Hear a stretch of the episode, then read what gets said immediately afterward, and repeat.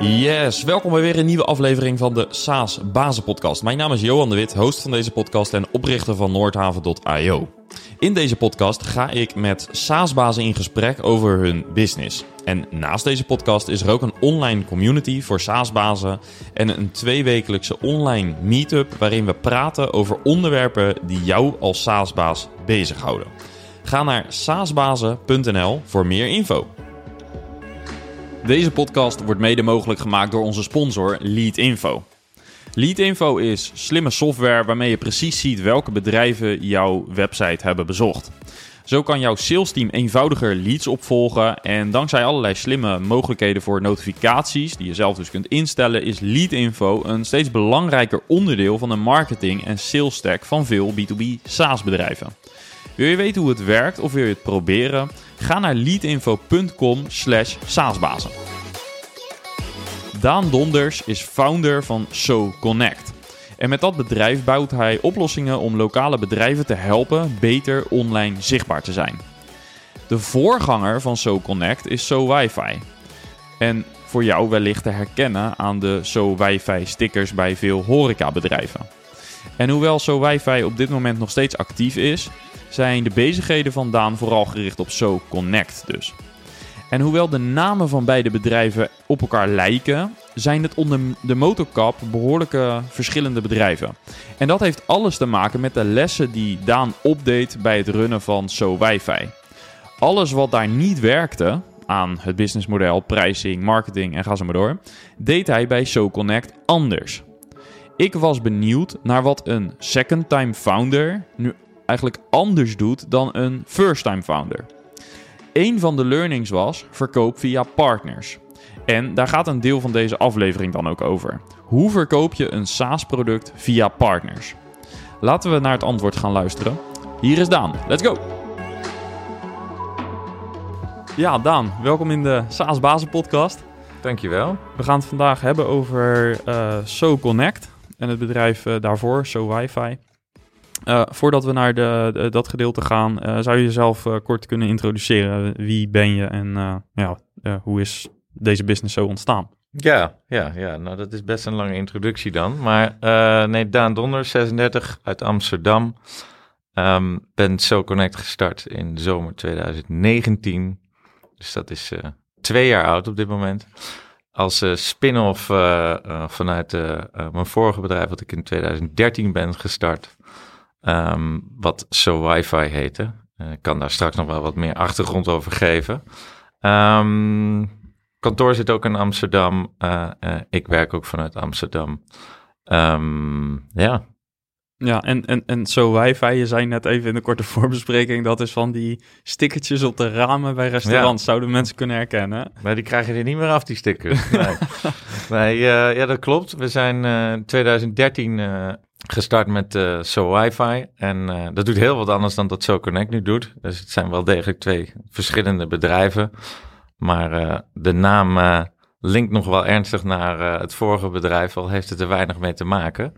maar daar begonnen we inderdaad met een wifi marketingbedrijf, waarbij het idee was dat we door middel van het aanbieden van wifi in locaties gegevens konden verzamelen van de klanten of gasten die in een locatie kwamen en een platform eromheen hebben gebouwd, zodat de uh, locatie-eigenaar uh, vervolgens in contact kon blijven met die gast of klant. En zodoende bijvoorbeeld dingen als nieuwsbrieven kon uitsturen, reviews kon uh, vragen aan, aan de klanten. En als het ware ook gewoon een, een klantendatabase op te bouwen. En dat bedrijf leek misschien aanvankelijk een SaaS-bedrijf te zijn, maar voor ons was de play om uh, zoveel mogelijk uh, data te verkrijgen van uh, alle mensen die gebruik maakten van ons platform. Het was ook niet heel relevant of je dat nou één keer deed of op honderd verschillende locaties. Maar die database, die werd op een gegeven moment zo groot dat we daar, vind ik, hele nuttige en gave dingen mee konden doen. Zo uh, hebben we dat gebruikt om uh, marktonderzoek uh, te doen voor uh, JCDecaux, een Clear Channel of gemeentes te helpen met hoe druk het in bepaalde gedeeltes van steden waren, hoeveel toeristen er überhaupt liepen, noem het maar op. En dat dus het bedrijf was allerlei dingen aan het bouwen om die data te kunnen monetizen op een goede en vriendelijke manier. Maar in 2018 werd het vriendelijke gezicht van data toch wel redelijk uh, door uh, alles wat er gebeurde met Cambridge Analytica en maart. En toen zaten wij midden in een verkoopproces met het bedrijf. Ongelukkige timing. en in mei dat jaar kwam ook GDPR. Wij waren volledig compliant. Daar ging het eigenlijk niet om. Maar ik denk dat het sentiment eromheen veel belangrijker was. En um, ja, dus bleek al wel vrij snel tot de grote partijen waarmee wij die uh, data-analyse producten ontwikkelden, dat die afhaakten. Uh, toen hielden wij op dat moment over een, uh, een SaaS-bedrijf waarvan je kunt afvragen of de metrics of de unit economics wel goed genoeg waren. Want wij moesten daadwerkelijk naar een locatie toe om daar iets te installeren, hardware. En die acquisitiekosten waren gewoon heel erg hoog. We hadden in verschillende landen, Spanje, Duitsland, uh, Nederland, België, UK, hadden we overal lokale sales teams zitten. Die dus ook zelf naar die locatie toe gingen, omdat er dus zo'n hardware component aan vast zat. En het resultaat was, omdat die acquisitiekosten zo hoog waren, dat de eindklant, als het ware, vrij veel gaat betalen voor een oplossing die, vind ik, goedkoper had moeten kunnen. Ja. Uh, um, dus dat hebben we ook helemaal anders gedaan uh, bij SoConnect. Maar dan heb je een beetje een geschiedenis. En heel veel van die stickers uh, die er vroeger nog op de deuren zaten, die zitten er nog steeds. Ze zijn er gewoon niet af te krijgen. Nee, nee, nee. Zo zijn ze ook gemaakt destijds. ja. ja. Okay. Als ik het e-, even in een paar woorden zou mogen samenvatten, ook om te kijken of ik het goed heb begrepen. heel praktisch. Je hebt een restaurant. In het restaurant wil je wifi aanbieden aan je, je gasten. Um, en heel veel luisteraars zullen het wellicht herkennen van jaren geleden. Dat je dan, als je connect, wilde connecten, uh, kon je het wifi-netwerk selecteren. Moest je Facebook-like doen bijvoorbeeld. Of een ander soort ja, uh, social uh, payment, zeg maar. Ja, heel lang ja. geleden. Gevoelsmatig even geleden. Ehm, maar dat inderdaad, dus dat faciliteerden jullie enerzijds met een abonnement van een paar tientjes in de maand. 25, Ja, 30 euro. zo. Ja, iets meer op een gegeven moment, dus rond de 50 euro. Ja, Ja, precies. En, en daarnaast een hardware component dat ze een router hadden die dat mogelijk maakte. Ehm, en eigenlijk zeg je, het onderliggende model was dat we heel veel data verzamelden. Dus op zich die, die maandelijkse fee, prima. De eenmalige aanschaf van zo'n router, dat is allemaal niet waar je het per se van moet hebben. Maar de, de, de data die je verzamelt is super waardevol. Want als ik bij restaurant X heb aangemeld met het netwerk in Amsterdam... en ik kom een week later in Brussel of van mijn part in eh, eh, LA... En daar hebben ze ook, maken ze ook gebruik van dat netwerk. Zit ik verbonden aan het netwerk. Dus jullie zien van hey, die bezoeker die vorige week in Amsterdam was, die zit nu daar in LA. klopt. En dat is uiteindelijk, daar hebben jullie een businessmodel omheen gebouwd. ja, we En dat werd zelf- gevoelig. Ja, dat werd gevoelig. Dus we hebben zelfs eh, voor een aantal grote, ik ga de namen niet noemen, maar hele grote kledingconcerns, hebben we het zelfs mogelijk gemaakt om echt offline met online eh, te koppelen. Eh, ehm, dus dan konden wij ongeveer 20, 25 procent van alle bezoekers in een winkel matchen. En die konden ze dan vervolgens online retargeten. eh, zonder dat die gebruiker of de, de klant op dat moment daar iets aan hoefde te doen. Ehm, dat was ook heel succesvol. Ja, Al dat soort eh, eh, eh, eh, eh, ehm, dingen. Alleen ja, zoals gezegd, dat werd steeds gevoeliger. En ik denk dat overigens deels ook wel achteraf gezien, misschien ook deels wel terecht. Maar dat is met de kennis van nu. Eh, maar het werd in ieder geval steeds gevoeliger. Ja, er kwamen steeds meer vragen. En, eh, en dat komt ook omdat er een heel aantal partijen waren, wat dat waarschijnlijk niet. Wij zijn altijd heel transparant geweest en open. En daarom, we waren eigenlijk altijd compliant met alles. En eh, toen er vragen kwamen vanuit de media, die hebben we ook behoorlijk gehad. eh, heb ik ze ook altijd uitgenodigd om uit te leggen hoe we dat doen, waarom we dat doen. Maar ja, dat staat los, denk ik, van het eh, sentiment wat er speelde rondom data. ja, en was het ook niet zo dat bijvoorbeeld die kledingconcerns, die, die kregen natuurlijk ook het vuur aan de schenen van de media waarschijnlijk. Ja. Ehm, en- en namen die zelf de verantwoordelijkheid daarover om die communicatie op te pakken? Of waren jullie... eh, Nee, dat eh, wordt vrij snel naar het bedrijf wat dat levert gewezen. ja. Dat zag je ook wel eens. Er is ook heel veel discussie geweest. Hebben wij niet gedaan hoor. Maar aan wifi, eh, geloof ik, dat iets met de gemeente had iets getracked in de gemeente Utrecht. En daar is dan een leverancier van. Ja, en dan eigenlijk geeft de gemeente opdracht om dat te doen. ja. En vervolgens wordt de leverancier, die wordt dan eh, in de hoek geschoven van, ja, dat is de boeman, daar moet je zijn. En eh, dan, ja, zo gaat het een beetje, maar Ja. god, ja. Anderzijds misschien ook maar goed ook als je uh, ja, compliant bent, dan kunnen jullie het waarschijnlijk beter uitleggen dan uh, die bedrijven dat ze allemaal, dat al je klanten met een ander verhaal de markt op gaan. Ja. Dat zou het misschien nog moeilijker maken. Ja, dat zou het moeilijker maken. Maar ja, je kunt uh, compliant zijn, wat wij waren, alles proberen goed en netjes te doen. Maar uiteindelijk, op het moment dat de consument, if you will, het niet prettig vindt en uh, daar geen, geen fijn gevoel bij heeft, wat ik deels ook wel begrijp, en, uh, en bedrijven daar vervolgens dan niks meer mee willen doen, ja, dan houdt het, uh, dan houdt het op. Ja, snap ik. En uiteindelijk ben je dus doorgegaan met nieuwe bedrijf, 2019 opgericht. wat doe je daarmee met SoConnect? Ja, ja, dus nogmaals, de, de, de, uh, de naam doet denken dat het uh, heel veel met elkaar te maken heeft. Uh, maar ik denk dat het een beetje schort aan creativiteit. Zou je dat met de wetenschap van nu, zou je het nu anders genoemd hebben? Weet ik niet, weet ik niet.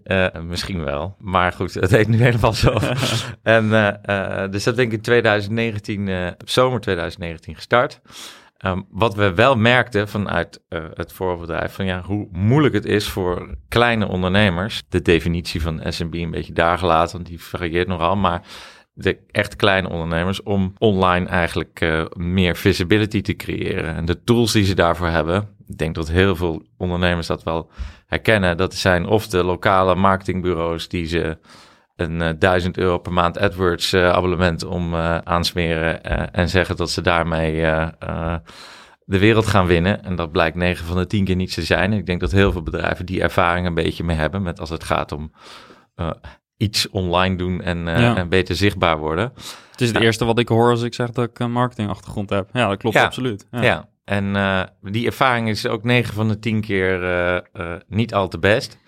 Um, en toen zijn we gaan denken, oké, hoe kunnen we nou die ondernemer uh, helpen met een aantal hele eenvoudige tools die ook nu relevant zijn, uh, waar die zelf ook niet heel veel aan hoeft te doen om die resultaten te verkrijgen. toen zijn we begonnen met een tool dat heet Listings. Um, dat is de meest gebruikte tool van onze set. We hebben in totaal drie producten op dit moment in ons platform. Um, en kort gezegd wat dat doet, heel lang geleden had je de gouden gids waar je in vermeld stond als bedrijf. Nou, dat is natuurlijk al eh, twintig jaar niet meer, maar... Dat is de Capterra voor SaaS-bedrijven, ja, zeg maar. Ja, ja, ja. En uh, nu komt bijna alle klanten komen via uh, platformen als Google Maps, uh, Apple Maps, wat achter je WhatsApp zit. Wat niet veel mensen eigenlijk kennen als een aparte directory. Waze, Uber Here, TripAdvisor. Via al die platformen vinden mensen in, op dit moment bedrijven. Dat doen ze door op het bedrijf te zoeken, maar al meer nu steeds meer door gewoon op een product te zoeken en dan in een bepaalde area. Nou, de informatie die je dan daar vindt, en ik denk dat we die ervaring allemaal wel mee hebben, die maakt of kraakt eigenlijk als het ware uh, uh, jouw business. Uh, staan je openingstijden goed? Is de pin op de map correct? werk je telefoonnummer? Ja. Is je website gekoppeld goed? Welke producten bied je daar aan? Welke reviews? Of wat is je review score? Noem het maar op.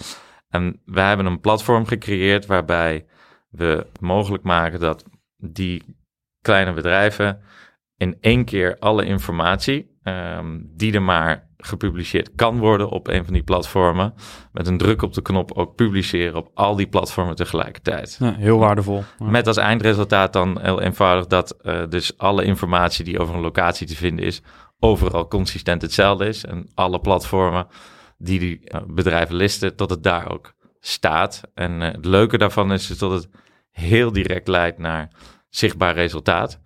Uh, um, dus gewoon letterlijk het verkrijgen van meer belletjes naar een locatie, mensen die naar die locatie navigeren, het websitebezoek wat omhoog schiet. Ja, en, uh... ja maar dit is, bij, dit is gewoon een hygiënefactor. Dit, ja. dit moet je gewoon op orde hebben. En ik kan me wel voorstellen, dat, kijk, nu zijn wij redelijk uh, uh, SaaS en tech-minded natuurlijk. Dus denk je wel dat je die platforms allemaal wel kent.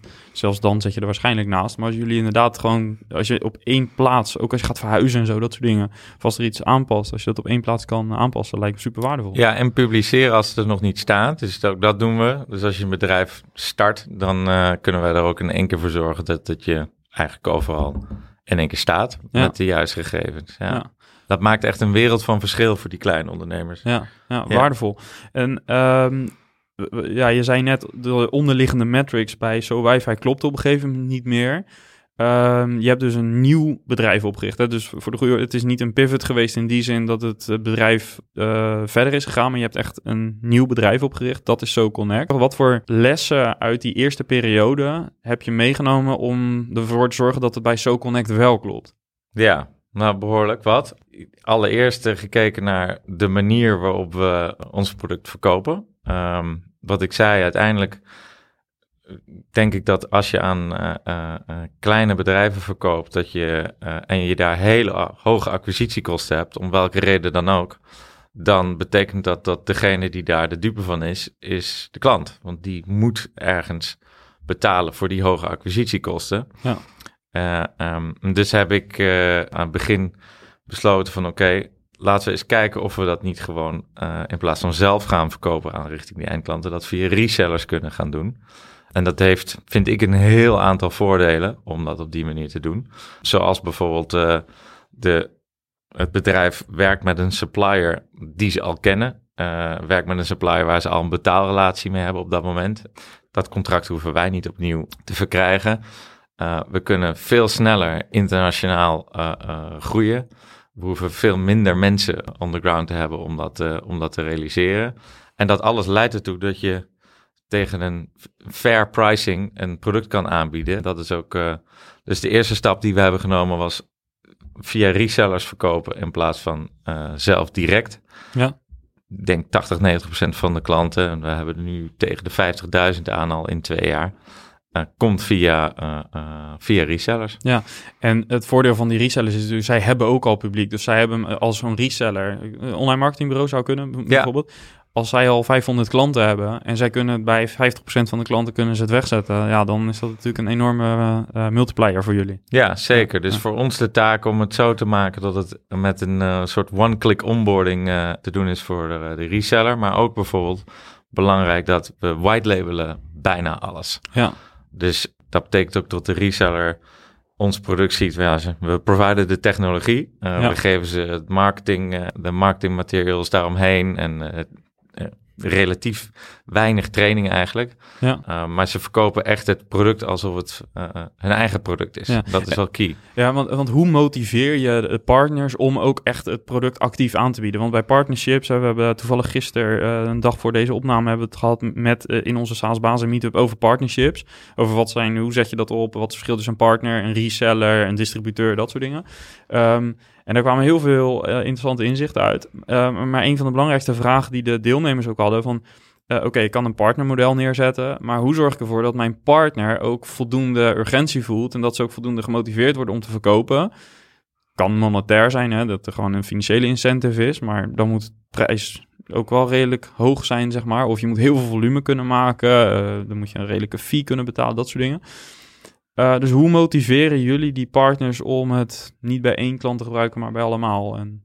Ja, nee, ik denk dat dan het begint eerst bij uh, je eigen, uh, bij, bij de selectie van welke resellers wil je hebben. Ik denk dat daar veel bedrijven al vaak te opportunistisch te werk gaan door iedereen die reseller wil worden of partner wil worden, dat ook te doen. Ja. En dan vragen ze misschien een minimum commitment aan en dan denken, ja, wij, wij geloven daar niet echt in. Um, dus we proberen echt te kijken van oké, okay, naar een aantal bijvoorbeeld key dingen. Hè? Wij verkopen ons, uh, ons product is een, is een monthly recurring product. Uh, uh, dus een abonnementservice. En verkoopt de reseller op dit moment, heel praktisch gezien, nu ook al dingen op een abonnementservice, die ja of de nee. Ja. Als het antwoord daar nee is, dan wordt het heel moeilijk, want dan moet je dus als het ware die klanten gaan educaten om uh, iets per maand te betalen. Ja. Nou, dat is al één ding. De tweede is bijvoorbeeld als ons product, wij bieden ons product uh, eindprijs anywhere tussen de 10 en 20 euro per maand aan. Maar op het moment dat de reseller nu producten aanbiedt die nog lager zijn dan dat, ja, dan wordt dat ook moeilijk. Want dan, uh, dan moet je je omzet per klant bijna gaan verdubbelen. Ja. Dus er zijn een aantal dingen waarop je een reseller wel van tevoren al kan, uh, kan selecteren. En um, dan het derde component is het white labelen. Daarmee maak je het product echt eigen voor een, uh, voor een reseller, hebben wij gemerkt. En zowel de klant, eindklant als de reseller vindt dat eigenlijk het, het prettigst. Ja. Eh, eh, ehm, Dan komt er meer ownership, bedoel je? Ja. Ja, precies. Ja, Ja, ja, kan me goed voorstellen. ja. Oké, dus dat zijn een aantal learnings eh, op gebied van partnerships. Eh, nou ben je ook ja, met internationalisatie bezig. Je zijn twee jaar onderweg, maar er gebeuren nu internationaal leuke dingen, zei je al. ja. Kan je daar iets over delen? En, en niet alleen wat jullie doen, maar ook hoe je dat hebt aangepakt?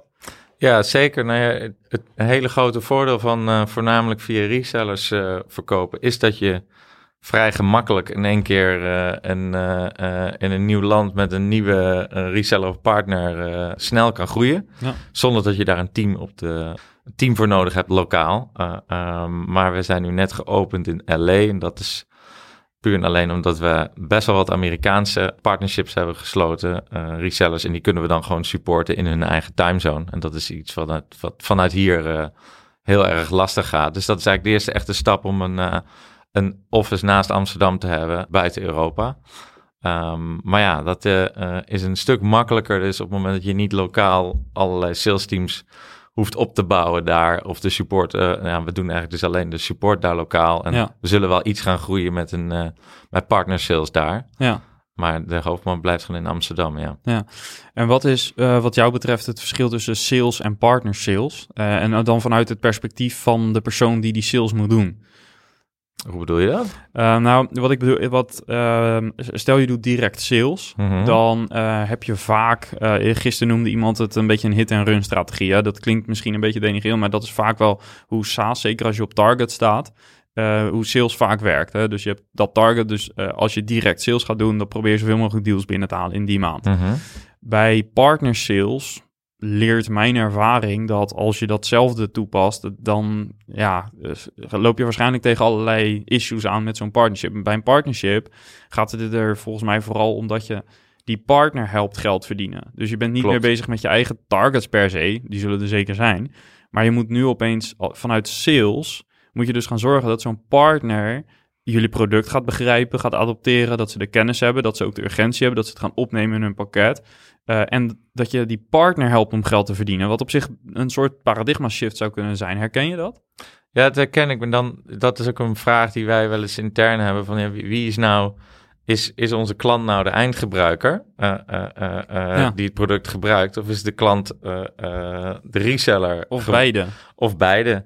En wij zien wel dat onze klant is gewoon de eindgebruiker. De, eh, de local business die ons platform uiteindelijk gebruikt. En de reseller is de manier voor ons voornamelijk op dit moment om, eh, eh, om bij die eindgebruiker te komen. Maar, wie- maar wie is jullie belangrijkste communicatiedoelgroep? Dus, dus welk percentage van je marketingbudget gaat naar zeg maar het bewerken van eindklant en naar het bewerken van de partner? Bijna alles gaat naar de eindklant. En de reden daarvoor is, is vrij simpel. Ik denk dat 9 van de 10 resellers uiteindelijk eh, eh, met ons in zee gaan, omdat ze het product wat we hebben gebouwd heel gaaf vinden. Ja. En dat ze dat een goede fit vinden voor de klanten die ze al hebben. Ja, oké. Eh, en vanuit die, zeg maar, hoedanigheid ze ons par- een partnership met ons willen.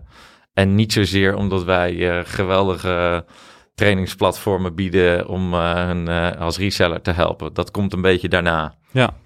En is het eh, ook niet zo dat een eindgebruiker, zo'n eindklant, die kan misschien ook naar zijn agency toe en zeggen van, joh, eh, dit is ons probleem. Ik heb een oplossing gevonden, lijkt het, zo connect. Eh, kunnen jullie dat ook eh, configureren? De- de- gebeurt dat ook? Ja, zeker. Want alle leads, of alle, veel leads die wij doorkrijgen, gewoon van lokale ondernemers, die sturen wij weer door naar een reseller. Ja, precies. Ja. dus dat werkt, ja, dat Ja. werkt wel goed, ja. Dat zal ook wat gunning opleveren bij die reseller. ja, ja, ja, ja. gaaf. Ehm, eh, ja, internationaal, je zei al LA. Dat, eh, hoe organiseer je dat nu in coronatijd, terwijl je er niet naartoe Eh, kan? bijna niet. Nou ja, via video, maar ja. Nee, ik heb Want je de- wil er wel een team op zetten, hè? Zeker. We hebben ook wel wat mensen zitten daar, maar die heb ik nog nooit gezien. Ja, of ze wel over de video, maar niet in het echt, nee. Hoe ga je dat qua cultuur doen? Wat vaak toch wel als binnen een start-up als succesfactor genoemd wordt. Ja, ja, ja goede vraag. Ehm, geen idee, eerlijk gezegd. Dat moet blijken zodra je Ja. er naartoe kan. Ja, ja. ja, ja, ja. Ja, lastig hè? Lastige Ja, tijd. ja, ja, dat is het zeker, ja. Eh, over lastige tijd, eh, dat is het natuurlijk ook geweest voor heel veel eh, small businesses. en jullie, en local businesses, zoals jullie ze voornamelijk noemen. Ehm, Ja, het idee daarachter local business is dat we, onze producten werken het best voor iemand met een fysieke locatie. Ja, dat precies. is, ja, ja. ja. Ehm, hebben jullie die kunnen helpen in die coronatijd? Ja, ja, dat denk ik wel. Tenminste, dat, we hopen dat we dat gedaan hebben. Ehm, allereerst hebben we onze producten voor eh, een hele grote eh, groep klanten gratis gemaakt. eh, voor een x aantal maanden eh, ehm, om ze te helpen. Ehm, hebben we het product listings. We hebben drie producten. Een listingsproduct, een reviewsproduct om reviews te verzamelen en een website optimalisatieproduct. Het listingsproduct hebben we gratis aangeboden aan heel veel klanten. We hebben ook heel veel partnerships gedaan eh, met eh, eh, partijen zoals een In Retail of een Koninklijke Horeca Nederland. En Ja. in Nederland natuurlijk bekend. Eh, ehm, met als gedachte van ja, er verandert natuurlijk nooit zo snel iets tijdens, zeg maar, nu veranderen gegevens van bedrijven zo snel. In COVID, gaan open, dicht, aangepaste openingstijden. Ze doen ineens delivery of take-out, of ze hebben ineens een webshop gestart, of ze verkopen nieuwe producten wel of niet. Eh, noem het maar op. En al die gegevens, meer dan ooit, moet je daarop vertrouwen, want bijna niks was open. Dus alle mensen gingen naar platformen om informatie te vinden over bedrijven. Dus toen hebben wij gezegd van ja, laten we dan in ieder geval zorgen dat we die tooling gewoon gaan geven aan, eh, aan al die ondernemers. Eh, en het, ze de kans te geven om het te gaan gebruiken om eh, eh, hun informatie eh, up-to-date te krijgen. En dat hebben we gedaan. En dat hebben ook dus organisaties als een Koninklijke Horeca Nederland gedaan. Die drie maanden volledig gratis ons product hebben aangeboden aan al hun leden Ja, en, die en- daar dan gebruik van konden maken. En dat hadden ze daarna de keuze om, om daarmee door te gaan, maar dan voor een, eh, voor een betaalde, betaalde versie. Dat Ja. is heel goed gegaan, ja. ja, want wat heeft dit gedaan met jullie omzet? Want normaal gesproken zou je veel churn misschien verwachten. Ehm, eh, eh, uiteindelijk kan het ook heel veel nieuwe business opleveren. Wa- wa- wat heeft het jullie gebracht uiteindelijk? Ja, ik, ik, ik denk zelf best veel. Onze churn van onze eindklanten dan ligt rond de 20%. Wat heel erg netjes is voor de SMB-market waarin wij opereren.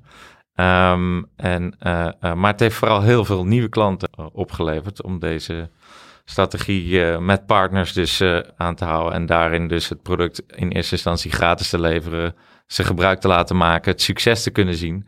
En vervolgens te converteren in een, in een betaalde subscription, ja. Ja, Dus het heeft vooral veel gebracht. En vandaag de dag zitten we dicht tegen de 50.000 eh, paid subscriptions of nou, paid customers aan. Ja. ja. ja, nog even terug naar die eh, partnerships. Want daar zei je in een ander gesprek wat ik met je had gezien... ehm, dat je een verkeerde partner koos in Duitsland. Wat was daar de, de case en wat heb je daar uitgehaald? Ja, ehm, dat de case was dat we een partnership sloten. Misschien even terug. In eerste instantie heel veel resellers en partners daar, die gaan met ons aan de slag omdat ze het product gaaf vinden.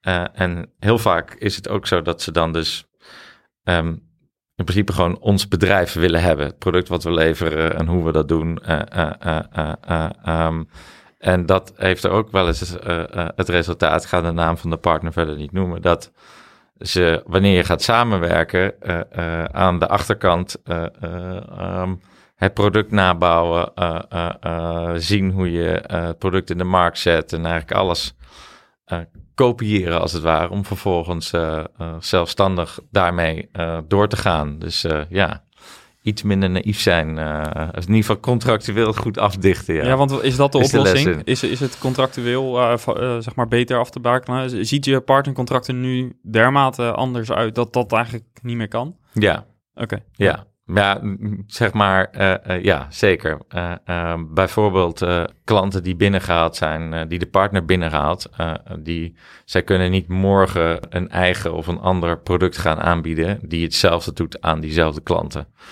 Het is een beetje, ja, kloten dat je het zo in een contract allemaal moet afdichten, maar dat is wel... Dat is wel een beetje hoe het werkt. En zeker Ja. misschien als je internationaal gaat, speelt het ook een grotere rol. Dat je er gevoelsmatig minder controle over hebt ook. je hebt al, hè, dat is één heel groot nadeel van via resellers werken, is dat je natuurlijk geen controle hebt. Nee. Uh, je hebt ook heel vaak de betaalrelatie geen eens met Nee. de eindklant. Dus er is al best wel weinig controle. Dus ja, dat is een, dat is een heel groot nadeel van met resellers werken, ja. Ja. We zijn overigens wel zelf ook onze eigen reseller aan het opzetten. Uh, uh, if you will. Dat heet Go.online, Greatest of All Time Online. Dat is wel grappig. En daarmee gaan we kijken als we een eigen reseller opzetten die onze producten gewide labeled in een andere hoes gaat verkopen, hoe dat dan gaat. Nee. Ja. En, en verwacht je daar vanuit je partnernetwerk geen conflicten mee? Nee, want dat doen we in een markt waar we nu niet met andere partners opereren. Een, een vertical? Ja. Ah, oké. Ja, dus precies. dan eh, eh, daarmee proberen we het en dan eh, kijken, hoe dat, kijken hoe dat gaat. Ja. Experiment. ja, ook belangrijk. Ja. Ehm, in deze podcast probeer ik ook altijd even te hebben over ondernemerschap. En ehm, een van de vragen die bij mij naar boven kwam toen je net zei... eh, we, zaten, we waren met een exit bezig met zo'n wifi, jaren geleden. Eh, en toen, eh, 2018 eh, volgens mij, toen het Cambridge eh, Analytica debakel kwam, zeg maar. Wat heeft dat met jou gedaan als ondernemer, die periode? Het moment dat je zag van shit, dit... Ja, we hadden vanuit eh, eh, de M&A-club die ons, eh, die sale begeleidde voor ons, al de opmerking gehad eh, tot een heel groot percentage van succes eh, eh, is timing. Nou, dat was redelijk ongelukkig. en dus ja, wat heeft dat met mij gedaan als ondernemer? Best veel, want je gaat van een vrij hoge piek naar in één keer best wel een situatie waarin je heel snel moet gaan schakelen businessmodel moet omgooien, maar ook bijvoorbeeld heel veel mensen hebben moeten laten gaan op dat moment. Dus dat is niet, dat is niet, even, niet even makkelijk, nee. Ik weet niet of het heel veel verandert going forward. Ik denk dat ik eh, bijna al die dingen met de kennis van toen hetzelfde had gedaan. Eh, eh, maar ja, je bent wel, ik denk ook iets realistischer. Misschien nu het nieuwe bedrijf zo Connect, zit geen, verder geen funding in, is gebootstrapped, is profitable. allemaal alweer anders als, als dat in het vorige bedrijf was, ja. Ja, ja. En eh, als je kijkt naar eh, de, de manier waarop je de organisatie leiding geeft, eh, als je die verschillen ziet tussen je first-time founder, zeg maar de, de wifi en connect, waar zitten dan de verschillen? Nou, ook wel anders. Eh, eh, allereerst dat ik niet meer eh, alles zelf manage in dit bedrijf. Dus dat is een groot verschil. Dat is misschien wel goed ook. en, ja, ben je geen goede manager? Nee, dat denk ik niet. Nee, nee, nee, nee, nee, nee. nee. Ik vind het heel leuk om producten te verzinnen en daarmee bezig te zijn. En grote partnerships te sluiten met partijen. Maar het managen van een organisatie is niet echt... eh, nee, is niet mijn ding. Hoe, hoe zie je jezelf meer? Ja, eh, product guy. Eh, Hm. Dat vind ik het leukst. En, eh, en dat dan met eh, ja, en het sluiten van partnerships vind ik leuk. Om, daar, eh, om daarmee bezig te zijn. Ja. Ja. ja. dus ook expansie, ondernemen. Expansie ondernemen en het creatieve gedeelte. Ja, daar, eh, ja, dat Ja. vind ik eigenlijk, eigenlijk het leukst. Ja. Maar ja, je kunt niet altijd doen wat je het leukst vindt. En, Nee. eh, eh, dus bij, eh, en ik denk een groot verschil is in het vorige bedrijf hebben we heel veel eh, snel mensen aangenomen, sales teams on the ground. En dan moest je soms wel eens 10, 20 man aannemen in een paar maanden. Die, eh, nou, de, dan was het eerder de snelheid waarmee je ze binnenhaalde, was belangrijker dan de kwaliteit van de mensen. Daar heb ik ook wel over van geleerd. Ehm, dus eh, quality over quantity, Ja. ja. En, en als je zelf eh, vindt dat je niet zo'n manager bent, hoe heb je dan eh, de managementstructuur ingericht? Werken jullie volgens bepaalde scaling-up methodes, dat soort dingen? Ja, we gebruiken wel dat boek, eh, eh, Scaling Up, ja, ja deels. Maar ja, het, is, het is gewoon ondergedeeld in, in onze organisatie. Iemand die operatie leidt, iemand die finance team leidt, iemand die development leidt. En dat vormt het MT als het ware. En die rapporteren weer aan jou. Ja, aan mij, aan elkaar eigenlijk, Hm. eh, kun je beter stellen. Ja, Ja. ja. ja, ja. Hoe komt het dat je dat een beetje afzwakt? Want ik zie het ook aan je mimiek, dat je eigenlijk zoiets van, nou, rapporteren, rapporteren. Nou, zo niet, maar, eh, maar zo hiërarchisch is het niet dat eh, ze rapporteren. Ja, feitelijk gezien is dat misschien zo, maar ik zie het toch echt als het samenwerken van. eh, eh, eh, dus ja, Ja, dat is wel mooi. Het was gewoon bijna een fysieke reactie, dat je, dat je inderdaad echt, nee, het zit anders. Dat was Ja, wel mooi. Ja. ja. Alright. Eh, ja, je hebt al superveel learnings gedeeld. Ehm, eh, even vooruitkijken. Eh, wat, wat zijn je plannen voor de komende, ja, laten we zeggen, drie tot vijf jaar? ja, een heleboel eh, SMB local businesses helpen. Dat is eigenlijk het idee. We hebben een soort goal intern om naar een miljoen bedrijven toe te groeien. Dat lijkt heel veel, dat is ook heel veel. Maar weet wel dat dat om, omzetten gaat van uh, variëren tussen de 25 euro per maand. Maar ja, zoveel mogelijk uh, bedrijven helpen met goede tooling die dan nog voor een fair pricing aangeboden kan worden, ja. Ja, en dat blijft dus wel vooral via partners dus. Ja, ik denk het wel. Um, heel veel groot, best grote SaaS-bedrijven waarvan je het misschien niet verwacht, waarvan je denkt, hey, die hebben heel veel direct customers, die, waar dan blijkt toch achteraf tot 70, 80 procent via uh, resellers is, uh, is verkocht. Dus ik denk wel dat dat bij ons ook ongeveer die verhouding zou, uh, zou blijven. In ieder geval voor nu. Kan, kan je een voorbeeld noemen van zo'n bedrijf waarbij dat jou verraste? ja, Podium is okay. een bedrijf in de US. Heel gaaf bedrijf. Wat doen die? Uh, uh, wat doen die? Dus een beetje een combinatie van wat ook een heel mooi bedrijf vind ik dat Trango doet. Ja, ja. dus een all-in-one inbox, maar ze doen inmiddels ook SMS payment requests, ja, precies, reviews verzamelen. Dus een beetje deels van een deel wat van wij doen en een deel wat een, ook een messagebeurt doet. Ja, ja. Trango komt binnenkort in de podcast. ja. Dus ja, leuk. Ja, ja. Gaaf. Alright, um, ik wil je ontzettend bedanken voor uh, wat je hebt uh, willen delen. Met name de learnings, of van partnerships, internationalisatie en uh, ga zo maar door. Um, super gaaf om dat te horen. als mensen met je in contact willen komen, waar kunnen ze je vinden? LinkedIn, toch? Ja, ja, ja. het meest logisch. Ja, ik zorg dat jouw link, het profiellink in de show notes okay. terecht komt. Okay. Top, okay. dankjewel. Dankjewel. Yes, en ben je op zoek naar meer inspiratie? Schrijf je dan in voor de SaaS-bazen Meetup. En luister niet alleen naar het laatste SaaS-nieuws, maar krijg ook een inkijkje in case studies van andere SaaS-startups en scale-ups. En neem zelf ook actief deel aan het gesprek.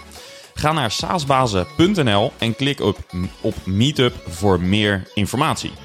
Bedankt weer voor het luisteren. Laat een review achter om ons te helpen om de podcast steeds beter te maken. En hopelijk tot volgende week. Bye bye.